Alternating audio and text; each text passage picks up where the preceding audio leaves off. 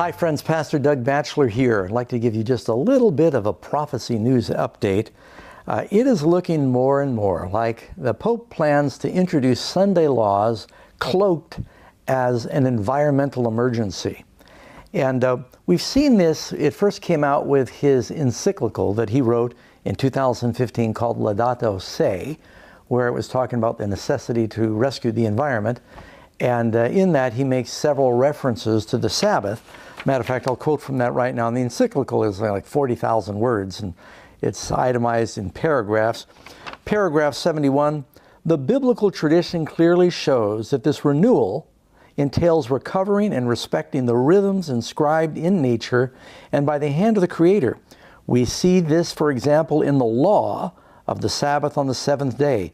God rested from all his work. He commanded Israel to set aside the seventh day as a day of rest, a Sabbath. Similarly, every seven years there was a sabbatical year that was set aside for Israel. Then you go to uh, paragraph 237. On Sunday, our participation in the Eucharist has a special importance. Sunday, like the Jewish Sabbath, is meant to be a day. He noticed he said the Jewish Sabbath, it was a law. Sunday, like the Jewish Sabbath, is meant to be a day which heals our relationships with God, with ourselves, with others, and note this, with the world. So he's saying it's Sunday that will heal our relationships with the world. It's the environment. Sunday is the day of the resurrection, the first day of the new creation, whose first fruits are the Lord's risen humanity, the pledge of the final transfiguration of all created reality. It also proclaims man's eternal rest in God. The law, there's that word again. In fact, the word law appears about 20 times in this section of the letter. It proclaims man's eternal rest in God. The law of weekly rest forbade work on the seventh day. And of course, they say, well, Sunday is every seventh day. Even now, we are journeying towards the Sabbath of eternity, the New Jerusalem, towards our common home in heaven. Jesus said, I make all things new, and that's paragraph 243 in his encyclical Laudato Si. And you go to uh, paragraph 211. Yet this education, now the reason I mention that is because the Pope uh, he said back, uh, oh, about a year ago, that he was calling the world leaders to the Vatican for a special compact on education of the world. And uh, that was postponed and rescheduled for October. I think it's the 11th through the 17th because of the pandemic. But as far as I know, that is still on. And whether they do some of it by Zoom conferencing or people are going to come in person still remains to be seen but he's calling together the leaders of the world. Now, just this week, uh, today is the 3rd of September, on September 1st, Vatican, New York Times, Associated Press, here's the headlines in the religious section. The Pope is using the pandemic to give the environment vital rest. And of course, rest is the hallmark of this whole Sabbath issue. Um, the COVID 19 pandemic has shown the earth that it can recover if we allow it to rest and we must spur the people to adopt simpler lifestyles to help the planet groaning under the constant demand for economic growth, Pope Francis said Tuesday. In his latest urgent appeal to help a fragile environment, Francis also renewed his call for the cancellation of debts of the most vulnerable countries. That's how you get the poor of the world, which is most of the world, on your side. Say, I'm telling the rich to cancel all your debts. Such action would be just, he said, since the rich countries have exploited poorer nations their natural resources. In some ways, the current pandemic has led us to rediscover simpler and sustainable lifestyles, Francis said in a written message. Already we can see how the earth can recover if we allow it to rest. Now, you may have heard my uh, uh, post that I did, oh, I guess a couple of months ago, on a growing chorus of voices that are calling for Sunday laws leading periodicals and speakers around the world are saying something we're learning from the pandemic is it may be a good idea for us to once again institute uh, a mandated weekly rest. They say if we don't make a law out of it, companies wanting to exploit, you know, the economy will go seven days a week. We've got to make a law that everyone needs to rest, and the day they're going to pick is Sunday. And this has been in the Pope's thinking for some time. People, and he goes on and says, the whole creation is groaning under the weight of what's happening. Citing the medical, social, and economic crisis triggered by the pandemic, Francis said it was time for restorative justice. Drawing attention to the earth's fragility is a hallmark of Francis's papacy.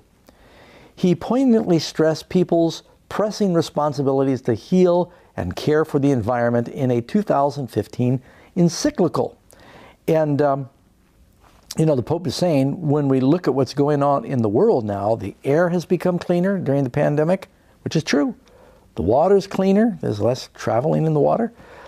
The animals have returned in many places from where they had previously disappeared. Some of the rush of traffic has made it more acceptable to birds and animals. The pandemic has brought us to a crossroads, he says. This is urgent. And uh, I just think he's paving the way for something that may be introduced in his talk in uh, March. And so he draws attention again to his environmental encyclical he wrote in 2015. This is in the New York Times uh, article. The pontiff issued his appeal. This appeal was made uh, on Tuesday to mark the World Day of Prayer for the Care of Creation, an annual occasion that was established uh, for, for Christians, he's saying all Christians everywhere, in the wake of the encyclical Laudato Si, his declaration, we must save the environment. So, uh, you know, I think this is very interesting. And then, of course, the Pope now has this global pact on education. And it's not limited to educational and academic institutions, but rather in the belief that commitment to education must be shared by all. It involves representatives of religions, international bodies, and the various humanitarian institutions of the academic, economic, political, and cultural world uh, everybody who is anybody is being invited to this summit to engage in how to re educate the world to save the environment. And I'm almost certain, based on what he said so far, he's going to be in favor of a Sunday law, among other things, to say we've just got to do something. We've got to take some concrete steps, let the planet rest. The pandemic has taught us every seventh day. And, uh, you know, this is something it's not going to come under a guise of religion.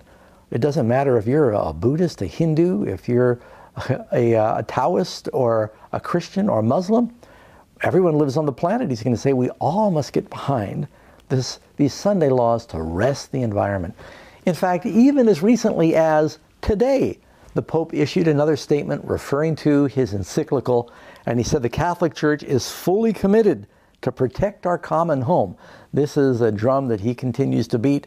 And uh, he says, uh, in order for us to have a new planet and to save the environment, we must have new humans. That's a rough paraphrase of what the Pope said today. So uh, this is near and dear to his heart, and he is consistently pushing that we must save the environment. And I expect that uh, a Sunday law is going to be part of that. So, friends, brace for impact. Stay tuned. Uh, it's coming. Just stay close to Jesus and keep studying His Word.